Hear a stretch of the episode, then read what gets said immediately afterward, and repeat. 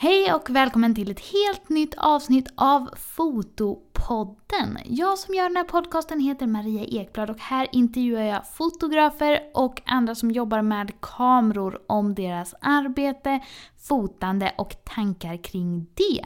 Först och främst så vill jag bara säga att jag är jätteglad för att du lyssnar på detta avsnittet. Jag intervjuar Isabelle från Two Bride som är en fantastisk fotograf och hon berättar om hur hon började jobba som bröllopsfotograf och hur hon fotar analogt. Och det är verkligen superintressant.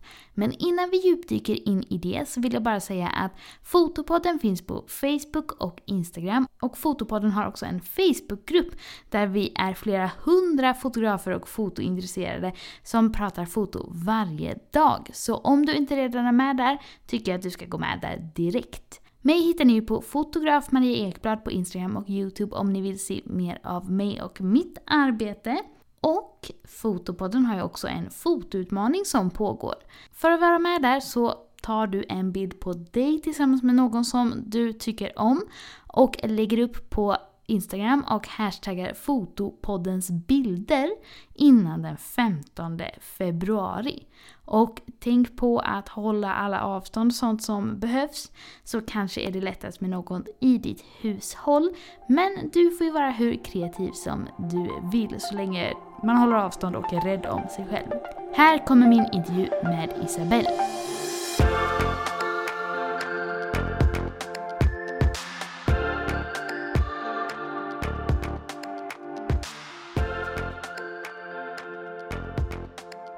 Hej Isabelle och vad roligt att du är med i Fotopodden. Tack så mycket, jättekul att få vara med. Ja, vi har ju mejlat lite fram och tillbaka men det är jättekul att få till det här. Ja, äntligen! För de som inte känner till dig, vill du börja lite med att berätta vem du är och vad du fotar? Ja, jag är en eh, ex-kommersiell fotograf och retuschör som eh, fotograferar bröllop på heltid sedan tio år tillbaka. Mm. Utgår från Stockholm, men jobbar i hela Europa. Ja, vad spännande. Hur mm. började det för dig och hur kom du in på foto?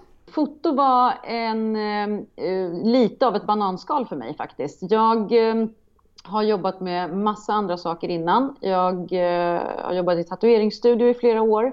Jag har jobbat på teater. Ehm, och hamnade, jag har alltid varit eh, estetiskt eller visuellt lagd man säger. Mm. Så jag har alltid jobbat med någon form av konstnärligt yrke då på teater inom maskör och perukmakeri mm -hmm, på tatueringsstudio mm. som ju också är visuellt och väldigt konstnärligt. Mm. Men jag, jag, hade en kund på tatueringsstudion som var fotograf som mm. kom in jätteofta. Och eh, vi på den studion jag jobbade så behövde vi ha lite bilder på de tatueringar vi hade gjort. Så då gjorde jag de bilderna. Jag lånade en kamera, kamera av en dåvarande pojkväns pappa. Och så tog jag de bilderna. Och när den här kunden kom in så såg han de här bilderna. Så sa han, vem har tagit de här bilderna? Så ja, det är jag. Och då så sa han så här, ja det här är ju inte bra. Oj. Vill du ha lite tips? Jag bara, ja gärna. Hård och så började han liksom coacha mig. Mm -hmm. eh, bara, egentligen bara det syftet att vi skulle ha bättre bilder på studion. Men jag blev jätteintresserad och eh, han sa så här, men du, du har ju liksom ett, ett öga för komposition. Um, vill du liksom komma och assa lite hos mig? Och, så, och jag bara, åh, det här låter jätteroligt. Så jag började assa hos honom. Och det var så hela den här resan började. Och det var, alltså då var jag 25 kanske, mm. strax däröver. Um, så jag assade honom ett par år och sen pluggade jag foto. Aha, okej. Okay. Vart gick du då? Sen, då? Uh, först så gick jag fotoskolan i Stockholm som mm. är en ettårig utbildning. Mm.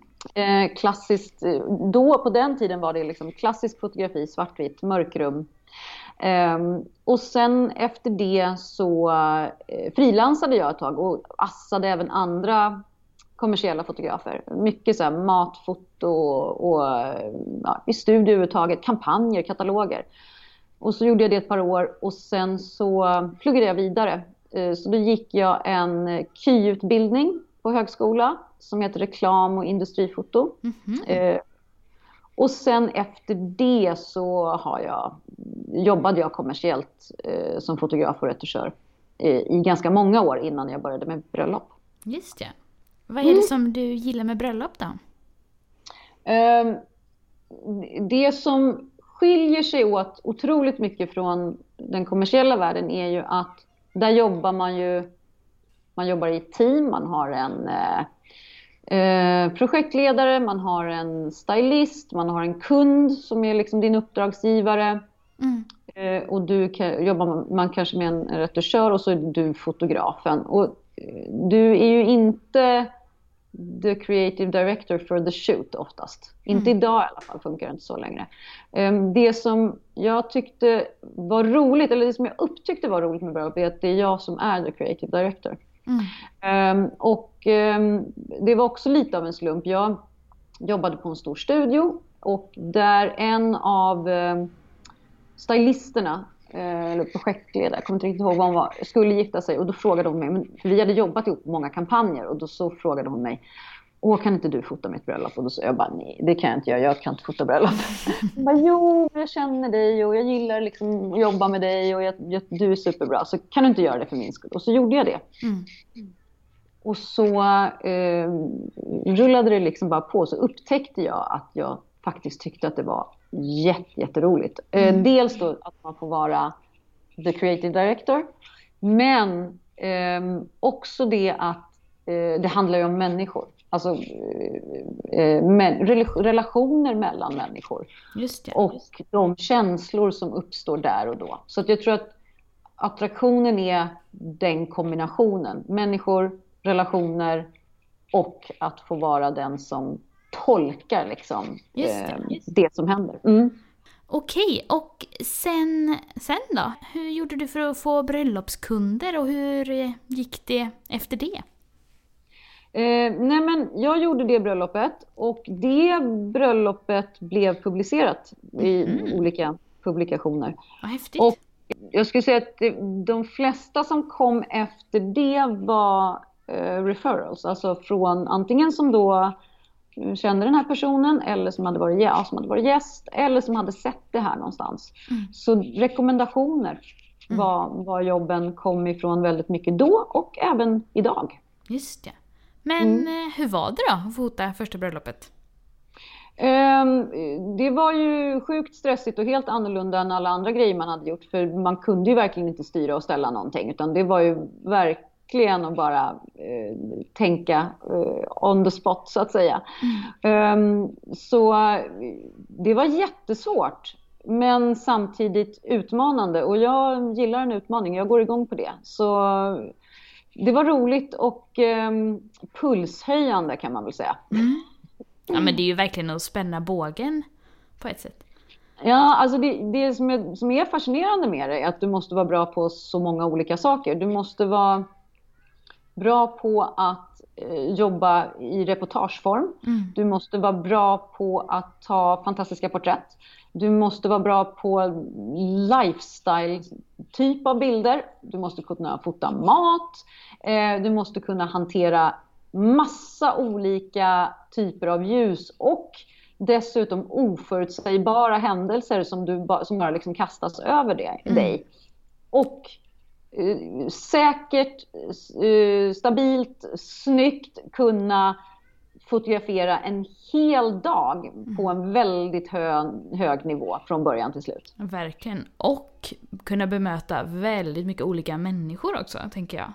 Ja, alltså jag tror inte man kan göra det här jobbet om man inte eh, är en people person. Det, det, blir väldigt svårt i alla fall. Mm. Ja men verkligen. Du sa att du fotar i hela Europa. Hur blev det så då? Um, det är på samma sätt egentligen som man får alla andra bröllop. Rekommendationer mm. uh, och um, publikationer. Mm. Det är så folk hittar den. Och det här var ju innan Instagram. Mm. Så eh, man bygger liksom eh, sitt kontaktnät och eh, ja, får referenser. Det är, jag jobbar fortfarande så idag, även om kanske sociala medier är en liten, liten större del av eh, hur folk hittar den idag, så är det fortfarande eh, teamwork och kontakter och referenser från tidigare kunder och publikationer eh, som är den största liksom, lead, leadkällan så att säga. Ja, just det. Efter du hade haft det första bröllopet och började få referrals och sånt. Nu Mm. pratar jag också med engelska Ja, ord. Ja. Jag kommer inte på vad det heter på svenska eftersom Nej, du sa jag så. vet. Det är så dåligt. Rekommendationer. eh, Rekommendationer. Ja. tack. Hur, eh, hur lång tid tog det för dig sen att liksom börja fota mer bröllop och få snurr på hela bröllopsfotandet? Mm. Ehm, ja, men det, tar ju, det tog ett par år. Ehm, gjorde det bröllopet sen året efter så var det väl kanske mm, fyra, fem stycken. Mm. Och sen året efter det så var det mm, 25 stycken och året efter det så var det 40 stycken. Så att det växte liksom eh, vartefter. Men jag jobbade kvar på den här studion jag jobbade i ganska många år. Eh, så det tog väl fyra, fem år innan jag vågade säga upp mig där. Eller jag sa faktiskt inte upp mig, jag tog tjänstledigt Mm. för att se om det funkade. Och det gjorde det. Så sen sa jag upp mig. Så jag, en, fyra, fem år ungefär. Mm. Men för i Sverige så har man ju ändå en relativt koncentrerad bröllopssäsong. Det är väl ändå Mm. mm, fler som gifter sig på sommaren och våren och augusti, september och så. Kanske några vinterbröllop. Absolut. Blir det annorlunda på något sätt om man börjar fota lite mer alltså bröllop utomlands och sådana destinationsbröllop? Ehm, ja, alltså det är ganska säsongsbaserat i Europa. Det måste Just man väl ändå ja. säga. Ja. Mm.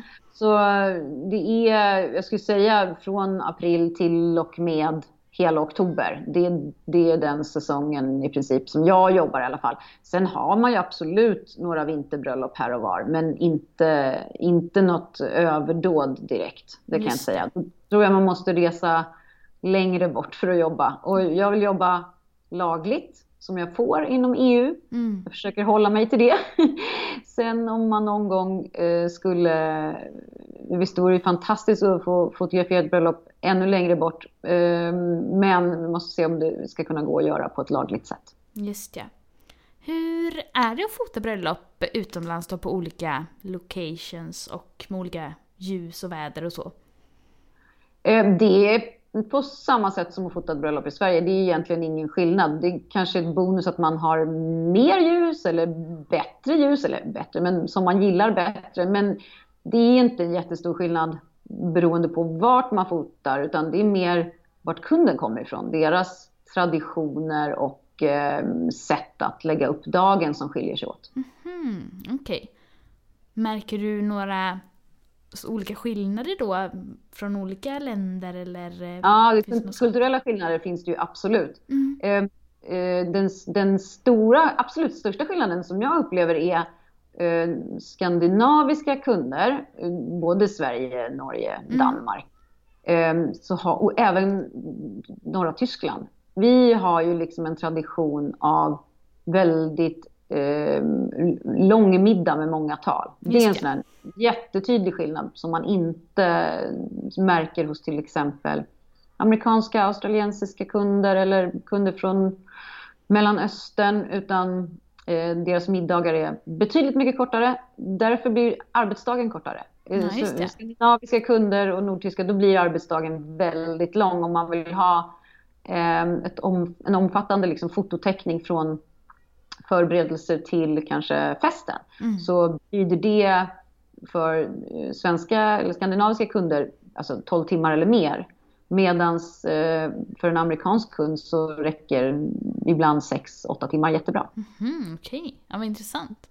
Mm. Om du eh, fotar ett bröllop utomlands, vill du berätta lite om hur det går till liksom från när du åker till bröllopet är? Är det mycket rekande eller hur, hur ser det ut?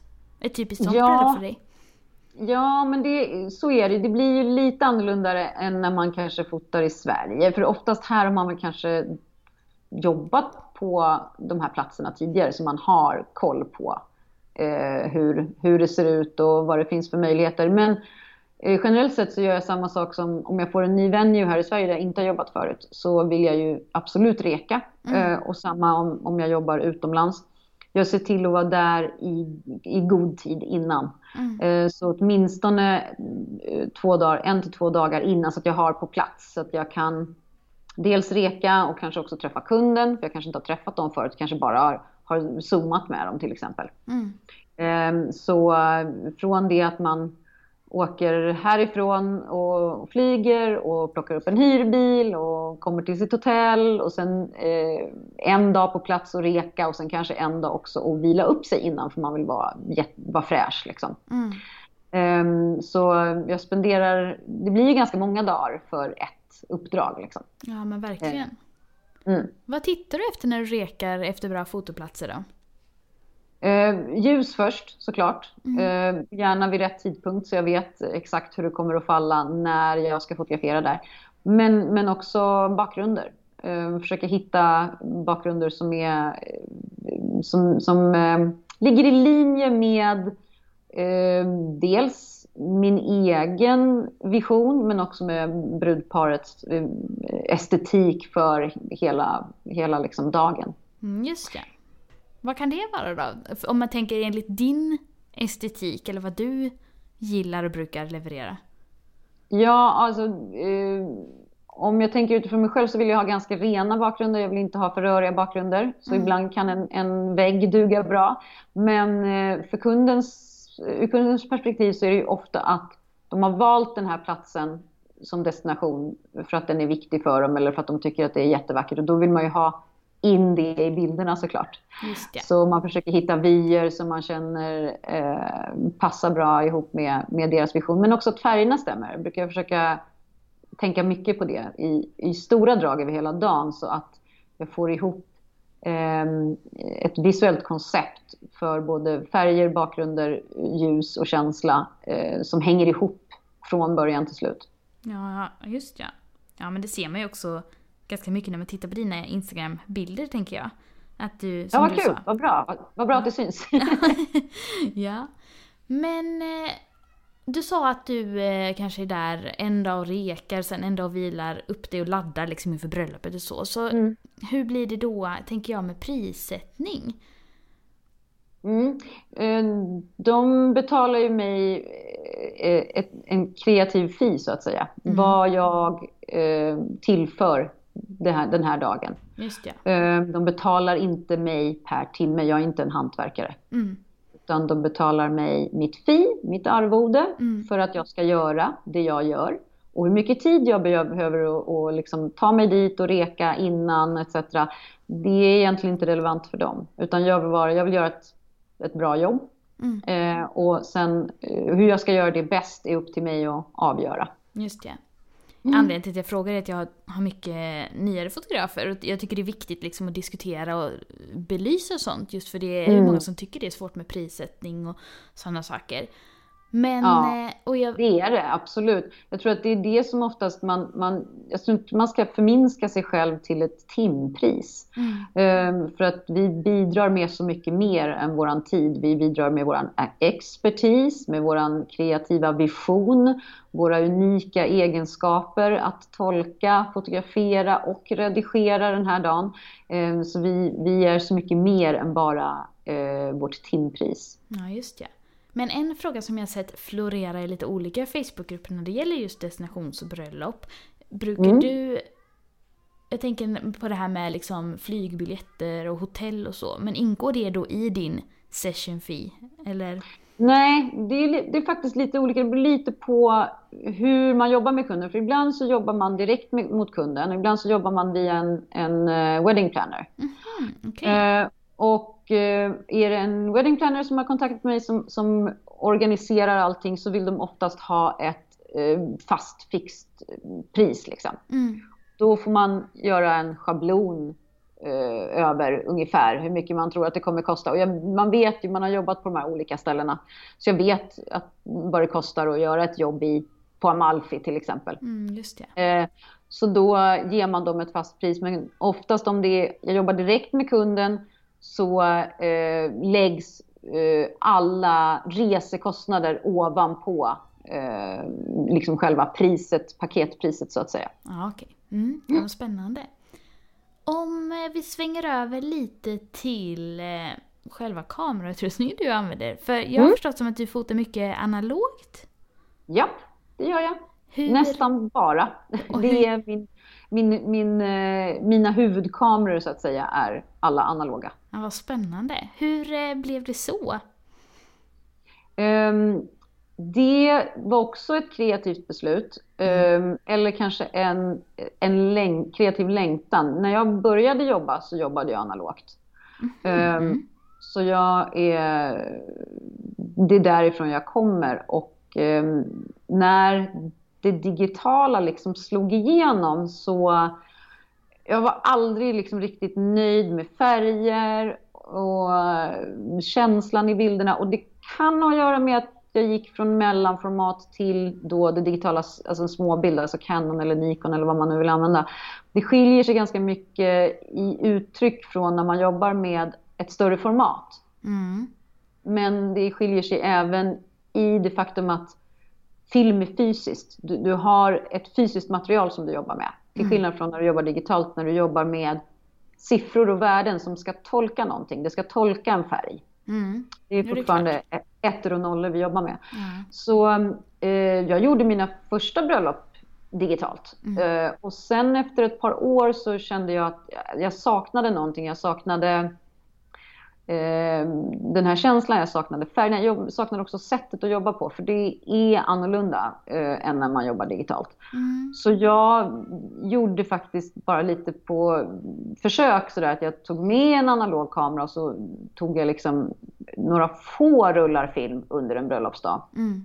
Sen gradvis så blev det mer, det blev fler och fler och fler och fler rullar och sen så en dag så, så hade jag fotat ett helt bröllop helt analogt och, och det kändes jättebra och det, resultatet var fantastiskt. Så jag gick över mer eller mindre till att fota helt analogt. Ja, vad häftigt. Jag gillar mm. ändå det så här att man ska följa magkänslan och liksom göra det som känns mest rätt för en och liksom kreativt rätt eller ja. vad man ska säga. Mm. Och det, det, är, det ger en, eller det ger mig en, en annan tillfredsställelse Mm. Eh, och, och, jobba på det sättet. Mm. Och sen till saken hör också att jag har en bakgrund som retuschör. Så jag har jobbat väldigt mycket med bildbearbetning eh, i alltså, stora mängder eh, mm. och även liksom avancerad retusch. Och jag ville ju bort ifrån det när jag slut, slutade jobba som, som det, bildbehandlare och retuschör. Mm. Jag vill fotografera och det är ett annat yrke. Eh, och det, jag, när jag jobbar analogt så ger det mig den möjligheten. Så jag sitter liksom inte och, och redigerar och korrar och färgställer eh, hundratals bilder utan jag fotograferar och sen så eh, lämnar jag in rullarna till mitt labb. Mm. De skannar och de ställer bilderna, alltså färgställer bilderna och sen så får jag tillbaka filer som jag förvisso lägger en liten hand på. Men inte alls på samma sätt som när man sitter och redigerar hundratals råfiler. Just det. Vad är det du kan eh, göra då, då när du gör den sista lilla tweaken? Eh, till exempel en sån sak som att räta upp bilder, för jag är en jävel på att fota snett. Och vem inte? Måste typ alltid räta upp. Ah. Eh, men även partiella förändringar i bilden. Eh, små färgkorrigeringar eh, på delar eh, samt även någon viss form av retusch. Mm, Okej. Okay. Eh, men om jag förstår det rätt då, då var du redan bekväm att fota analogt och hade erfarenhet inom det när du började med detta? Ja, det mm. var det. Du sa att du fotar större delen av ett bröllop med analoga kameror. Vilka delar mm. är det mm. du använder den digitalt till då? Um, vid, vid, några få tillfällen. Jag har alltid en digital kamera med mig. Mm. En Fuji GFX som mm. ju är en digital mellanformatskamera. Mm. Uh, den ligger alltid med i, i kameraväskan. Det är inte alltid jag använder den, men ibland gör jag det.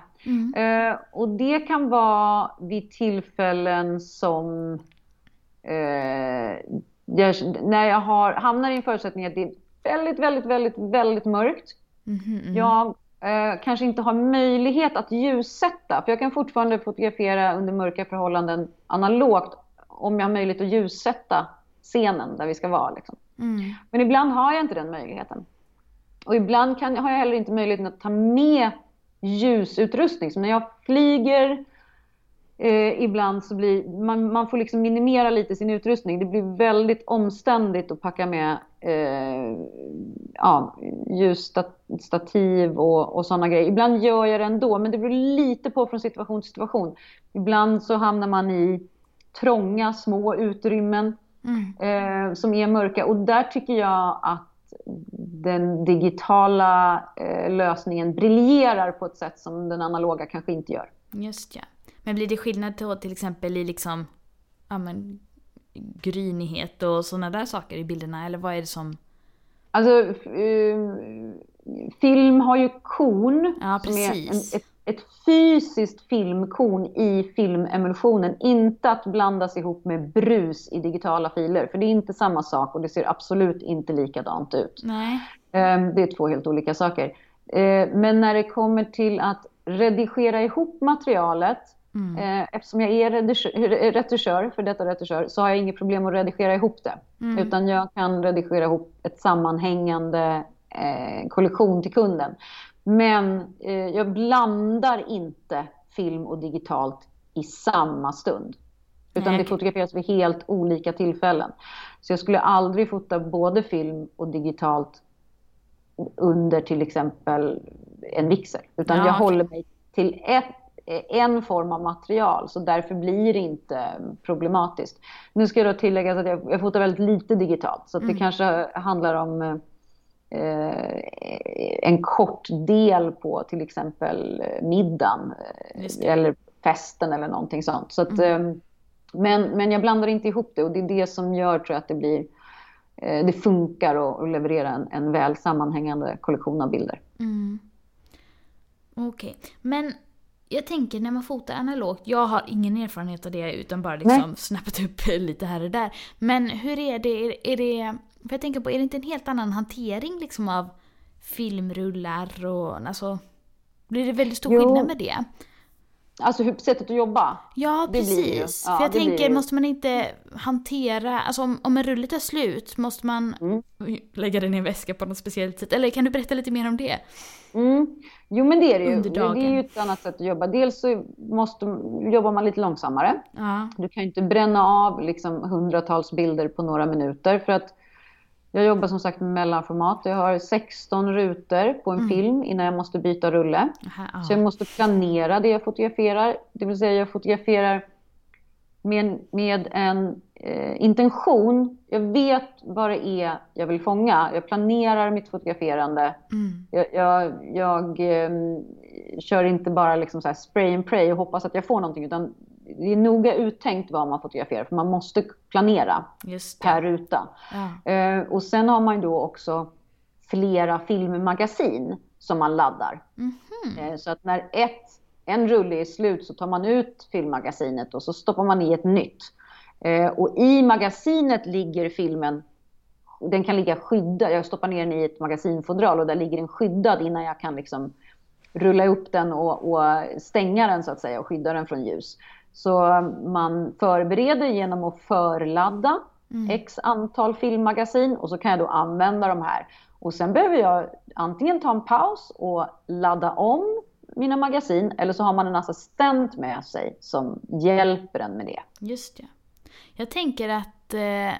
Så jobbar man ju med fler än en kamera ska ju tilläggas också, så att man har ju flera kameror med sig. Ja, det är klart. Det har ju alla bröllopsfotografer. Ja, precis. Nej. Men jag tänker, eh, för när det gäller liksom eh, fotografering och bilder, men det kan ju handla lite om mig och mina tvångstankar, men jag, jag gillar att, med digitalt att man kan ju backa upp det väldigt fort.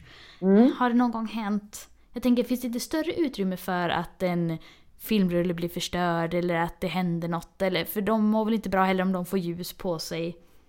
Eller de får absolut saker. inte få ljus på sig. Men, men jag ska säga sådär, det där tror jag är eh, någonting som många tänker på. Gud, vad, hur vet du att det blev något? Två, hur, hur kan du backa upp det? Har du fått filmrullar förstörda? Mm. Nej, jag har aldrig fått filmrullar förstörda. Däremot så har jag fått minneskort korrupta. Ja, det är så poäng. Det, jag tror att den egentligen faran att något ska hända är ungefär lika stor procentuell chans överlag. Mm. Eh, men det här med att backa upp, ja det här, man fotar ju med flera kameror än en, det vill säga ju fler filmrullar än bara en rulle från ett specifikt ögonblick. Så man, Ja, man jobbar ju med flera olika. Eh, men eh, jag är inte orolig för det. Jag, jag tycker det sättet man jobbar på är såklart man får hitta sina egna vägar men det, det känns säkert, det känns tryggt. Och ehm, eh, när man vet hur man ska hantera filmrullar så är det inte, alltså det är ingen större risk att de skulle bli förstörda än att ett minneskort skulle bli förstört. Nej. Nej, just det. Jag tycker bara det är så imponerande för som du har nämnt tidigare, som du sa att ibland behöver man ta en paus och man behöver planera sitt fotograferande samtidigt som bröllop också kan vara ganska stressiga. Det kan vara ett bröllops... Alltså schemat under dagen håller ju sällan. Så jag Schemat det... gör jag till mina kunder. Vad sa du nu? Schemat gör jag till mina kunder så jag ser till att det finns tid Mm, för pauser, för eventuella förseningar. eh, Det vill säga fotoschemat gör jag. Ibland så gör man det i, i samarbete med en wedding planner. Mm. Men finns det ingen wedding planner så är det jag som gör schemat. För jag vet hur mycket tid som går åt till varje del av dagen. Det vet inte kunden. Det här är deras första bröllop. Jag har gjort plus 300 bröllop. Mm. Så att kommunicera det till kunden är ju min uppgift, vilket man, man gör. Och se till att det finns tillräckligt med utrymme. Eh, dels för att fota, men även andra pauser som att gå på toaletten eller dricka någonting. Mm. Men också till att, att eh, hantera utrustningen. Eh, och det handlar ju om inte bara att ladda om filmen, förflyttningar mellan platser Mm. och, och så också. Just ja. Men för jag tycker, nu var det länge sedan jag fotade bröllop, men jag tycker ändå att eh, det var mycket annat som spelade in under dagen, typ frisören eller alltså sådana grejer. Hur, eh, för om du gör schemat, ja det är ju många Att- andra det- människor som är inblandade. Ja, jag behöver kontaktinformation till alla människor som är inblandade. Alla leverantörer eh, måste gå in i dagen eh, med samma intention, det vill säga att hålla tidsschemat. Men det är därför man bygger in tidskuddar Just ja. för eventuella förseningar. Och det är någonting som man vet enligt erfarenhet är att hår och makeup blir, blir, det är nästan alltid de som blir sena. Ja, Så då, där bygger man in extra tid. jag förstår inte vad som Eh, händer att- där. Nej, precis. Så därför är det ju så viktigt att ha den där extra tiden vid just hår och makeup. För att blir de sena så blir hela dagen sen. Mm. Ja, men det vill säga, då missar jag viktig tid där jag måste fånga eller fota vissa saker. Mm. Och då ses schemat blir sabbat från, från morgonen så att säga, så blir ju hela dagen eh, skev. Ja. Så det, det är jätteviktigt. Så mitt bästa tips är tidskuddar och att se till att göra ett, ett schema där, är- där, som, som verkligen är realistiskt. Eh, och inte lägga för kort tid vid vissa tidpunkter och lä- eller lägga för mycket tid på andra som man vet inte alls tar så lång tid. Men Men att samla in all information, alla leverantörer, eh, all e-mail och allting sånt. Vissa ringer jag till och med och pratar med, men, men alla leverantörer som är inblandade får det här schemat så att de vet, eh, så att alla är medvetna om det. Liksom. Mm. Men där kan vi ju verkligen snacka kundservice för då har ju du en ganska planerande funktion också för dina brudpar. Eh, ja, i alla fall när det kommer till, till eh, sådana grejer. Sen så återigen, finns det en wedding planner så samarbetar man ju med dem och då gör ju de det största övergripande schemat. Jag gör ju fortfarande fotoschemat men det synkar liksom med deras schema. men finns det ingen wedding planner så blir man ju lite av deras wedding planner. Ja, så är det. Jag har ju en eh, Facebookgrupp till Fotopodden och alla som lyssnar, om ni inte är med där så tycker jag att ni ska gå in där och bli medlem direkt. Där har jag lagt ut eh, och fått många spännande lyssnarfrågor. Det var många som tyckte det var väldigt kul att du skulle vara med. Mm, kul! Anneli skriver, med risk för att det blir pinsamt, så skriver hon att hon har aldrig riktigt förstått skillnaden mellan analoga bilder och digitala. Alltså på ett sånt sätt att folk säger “jag ser direkt att det där är film”. Och då undrar hon eh, lite kring det. Mm. Eh, Jag ser direkt vilket som är vilket. Det finns nämligen några väldigt avslöjande faktorer. Mhm. För vissa redigerar ju ganska likt ändå, eller i den stilen också. absolut, man kan imitera Mm. eh, ganska nära, men jag ser fortfarande skillnaden. Mm. Eh, och det tror jag de flesta gör som fotar analogt. Därför hudtoner är en sån otroligt avslöjande faktor. Om du tittar på hudtonen i skuggpartierna, halsen, under hakan, Mhm. händerna, jätteavslöjande. Okej. Eh, där brukar det synas eh, ganska snabbt vad som var. Digitalt har en tendens att ibland gå, bli lite grått och lite livlöst i Mm. skuggpartier på hud. Så om man tittar under hakan och halsen kan man oftast se där eh, om den är lite grå lite livlös så att säga. Mhm. Händer, superbra exempel. Eh, någonting som man ofta ser på digitalt är att händerna blir lite magenta. Mhm. Det sticker liksom från hudtonen i ansiktet. En annan sak som man ofta ser, som jag tycker är också en telltale, det är högdagrar. Det är Alltså de absolut ljusaste partierna i bild.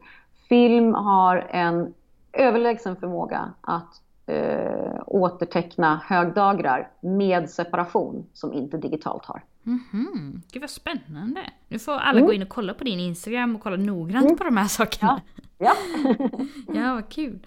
Maria undrar hur många bilder du brukar leverera i snitt från en hel dag. Och hon undrar också om du upplever att kunderna fattar liksom hela innebörden av analogt. Eller om du kanske mer får kunder för ditt namn och för att du är etablerad som fotograf. Ja. eh, för, det- för det första, kunderna vet inte att jag fotar analogt när de hör av sig till mig. Mm. Det är egentligen irrelevant för dem vilket verktyg jag använder. Mm. Eh, utan de bokar för det de ser. Eh, så de bröllopen de ser på hemsida eller bilder de ser på Instagram, eh, om det talar till dem så är det det de vill ha. De frågar aldrig mig vilken kamera jag använder eller hur jag gör för att skapa bilden. Det är likadant som jag går in på en restaurang. Jag går inte till kocken och frågar vilken stekpanna han använder för att göra den här fantastiska tornedon. Mm. Utan de bokar, en, de bokar mig för resultatet. Eller för det de tror ska bli resultatet, för det vet de ju inte innan. Men, så att de bokar den för det. Det. Eh, vad var det mer för fråga förutom det analoga? Hur många, dagar, eh, hur många bilder eh, du levererar från en hel dag? Just det. Eh, väldigt olika. Eh, för det första så konceptet heldag, som jag sa när vi började, det är så olika från om jag plåtar ett bröllop här i Sverige eller om jag plåtar ett bröllop i Italien med amerikanska kunder. En heldag kan vara sju timmar Mm. eller den kan vara 14 timmar. Eh, så det är väldigt olika. Det beror också på hur många gäster som är på bröllopet. Mm. Det beror på hur många saker som händer under dagen, alltså man har många happenings. Eh, det beror också på om det är ett väldigt detaljfyllt bröllop, alltså om det är mycket detaljer. Och det beror på hur lång tid jag får eh, till att fotografera porträtt. Så det, jag har inget magiskt nummer alls faktiskt, utan det skiljer sig väldigt mycket åt. Men jag kan säga eh, som eh, mellan tummen och pekfingret, om jag fotar ett bröllop med 100 gäster och är där i 10 timmar så skulle det kanske landa på eh, någonstans mellan 500-600 bilder. Mm. Mm. Niklas undrar hur du tänker när du skapar en story. Ehm, jag skapar den utifrån kunden. Jag gör ett ehm, ganska omfattande förarbete med ehm, möten, videomöten, samtal, mejl, ehm, frågeformulär där jag eh, verkligen försöker ta reda på så mycket som möjligt om dem. Eh, om deras relation, vad de gillar att göra tillsammans, varför man har valt den här platsen, vad man förväntar sig liksom av dagen och vilka som är de viktiga liksom, nyckelpersonerna. Mm. Så ju mer information jag har om dem, desto bättre jobb kan jag göra. Eh, För då kan jag förstå vad det är de går ut på, så att säga. Ja. Eh, Utifrån det bygger jag, bygger jag storyn. Sen gör man ju alltid ett moodboard innan, så man har liksom en, ett visuellt koncept också att utgå ifrån. Mm. Ja, kul. Mm. Rebecka har en del frågor här, men eh, vi kan börja med hur många rullar går det åt på ett bröllop ungefär? Många! Ehm, Nej, men jag skulle säga någonstans mellan kanske 50 till 70 rullar. Mm. Ibland mer, ibland lite mindre. Hur många har du med dig bröllop låter jag 100, över 100 rullar. Oj, ja. Men hur många brukar du packa med dig? Ja, men Alltså jag tar alltid med mer än vad jag tror att jag kommer använda. Mm. Man kan inte stå där utan. Det är som att ta med sig för lite minneskort. Ja, Liksom. men Så precis. Man tar alltid med mycket mer än vad man eh, tror att man kommer att använda. Så det man tar med, jag tar med liksom, eh, kanske 150 rullar film. Mm. Och hon undrar här eh, hur man börjar fota analogt. Vad ska man ens använda för utrustning? Ja, det är en jättebra fråga. Man kan eh, med fördel använda lite av den utrustning man förmodligen redan har. Om man har en eh, Canon-utrustning eller en Nikon-utrustning så har man ju förmodligen ett gäng eh, gluggar Mm. redan. Eh, Så det billigaste och lättaste sättet är att köpa ett analogt hus eh, i, i samma märke. Så om jag har Canon så kan jag köpa ett analogt Canon eh, och så kan man använda den, de objektiv man redan har. Jättelätt! Och så kan man börja testa och fota en rulle småbildfilm, eh, 35 mm. Mm. Ehm, och framkalla den och se hur det blir. Och det behöver inte alls kosta mycket. Analoga kamerahus i liksom bra skick kan du få för ja, 350 kronor. Mhm. Och så kan du använda all den fantastiska optik du redan har. Okej, vad spännande. Mm. Det här kanske är en dum fråga då, men eh, hur är det med, då är finns det inget autofokus att använda då, utan då blir det manuellt fokus med sina vanliga objektiv också, eller? Nej, nej, nej, det funkar alldeles utmärkt. Precis som eh, autofokusen funkar på eh, de digitala eh, spegel... Alltså, eh, de kameror med spegel i, alltså inte spegellöst. Ja. Utan, eh, men om du har, vi säger att du har en Mark 3, Mm. Canon Mark 3, så kan du eh, köpa en analog eh, eh, Canon kamerahus. Till exempel en, eh, det finns eh, lite olika varianter, men jag har en superduper billig eh, eh, kamerahus som heter Canon Elan 7 som jag köpte för 35 euro på Ebay. Och eh, så använder jag min Canon-optik på den. Och autofokus, allting fungerar precis som vanligt. Det enda är att du då har en filmrulle i istället för eh, en eh, sensor. Jaha, spännande.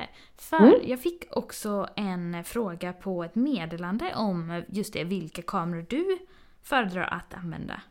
Mm. Eh, Jag har eh, två stycken huvudkameror som jag jobbar med eh, allra, allra mest. Det är, jag kan säga att jag fotar 90% av dagen med dem. Och det är en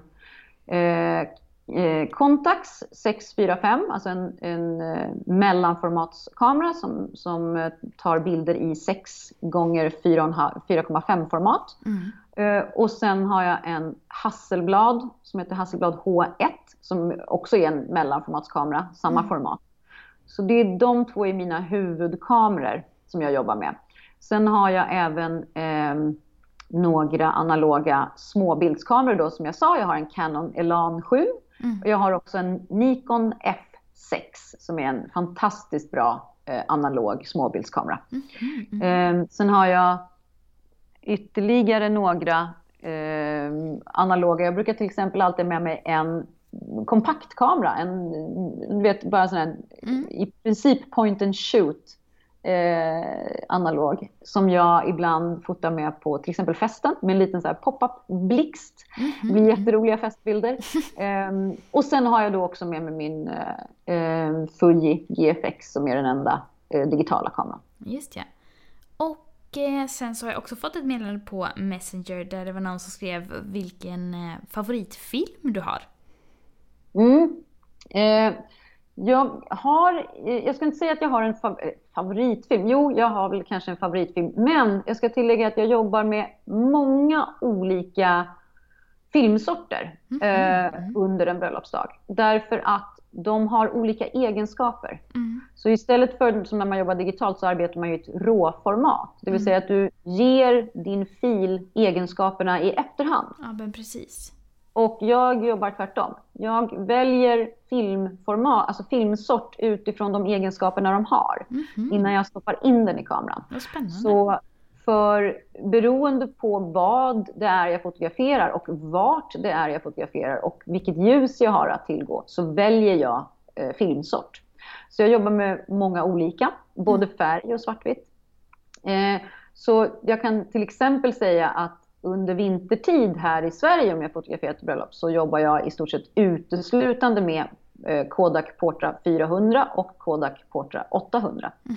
Mm eh, I kombination med svartvita filmer. Men om jag fotograferar ett bröllop i Italien på sommaren så jobbar jag eh, nästan bara med eh, Fuji 400H eh, och svartvita filmsorter också. Så, så tillgången på hur, ljuset, alltså kvaliteten på ljuset och, till, och hur mycket ljus jag har och vilken miljö jag jobbar, jobbar i eh, bestämmer ganska mycket vilken, vilken film jag väljer. Mm. Men, för du nämnde att du använder olika film vid olika tillfällen under mm. ett bröllop också. Vill du ja. berätta lite?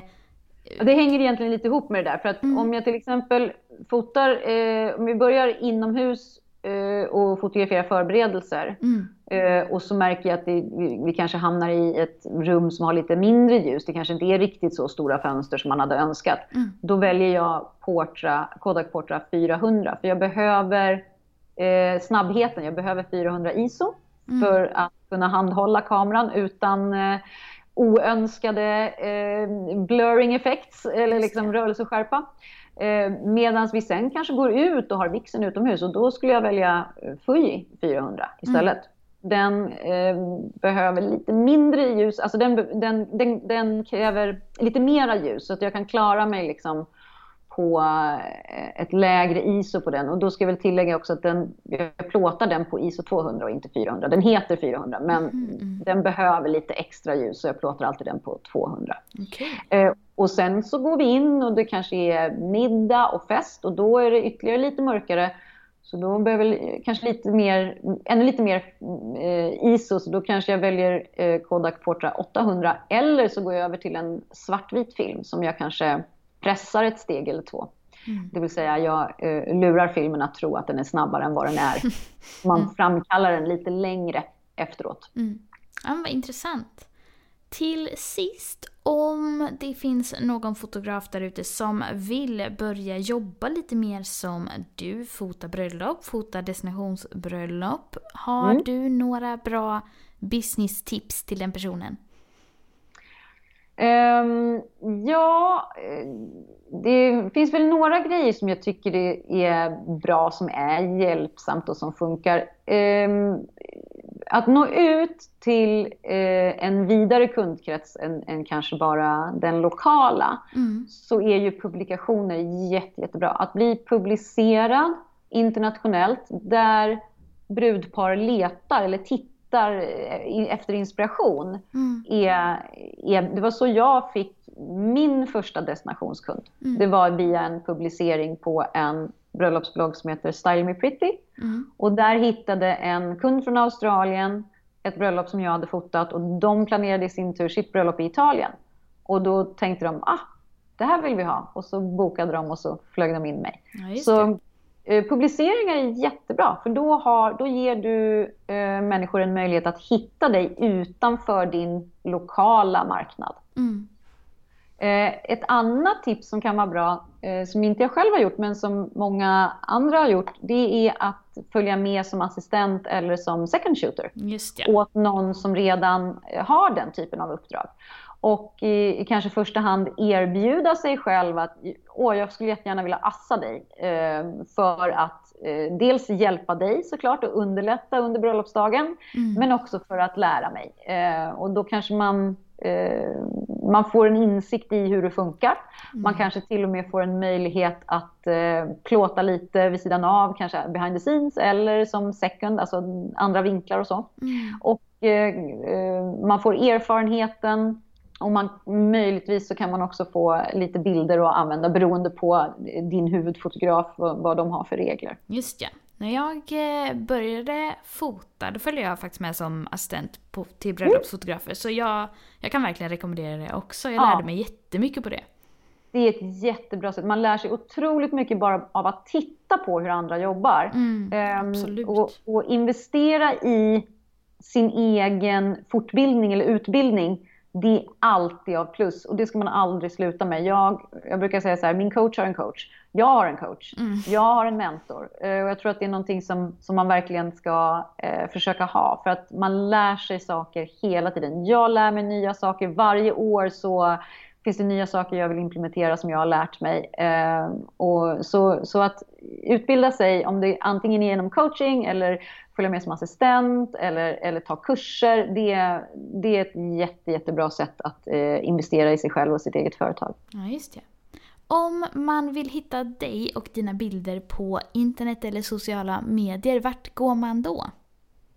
Ja, eh, då går man till snabla eh, Two Brides med en tvåa i början. På alla sociala medier så hittar man mig. Eh, vare sig det är Insta, Facebook eller Twitter. Eh, och hemsida är www.twobrides.se.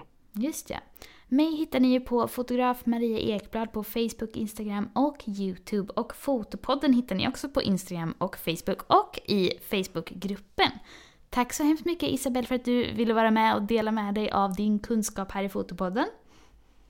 Tack så jättemycket för att du eh, lät mig vara med. Och så vill jag också passa på att säga att du gör ett fantastiskt, eh, en fantastisk podd. Det är jättekul, det är inspirerande för eh, jag tror fotografer från alla kategorier. Ja, vad snällt. Tack så mycket.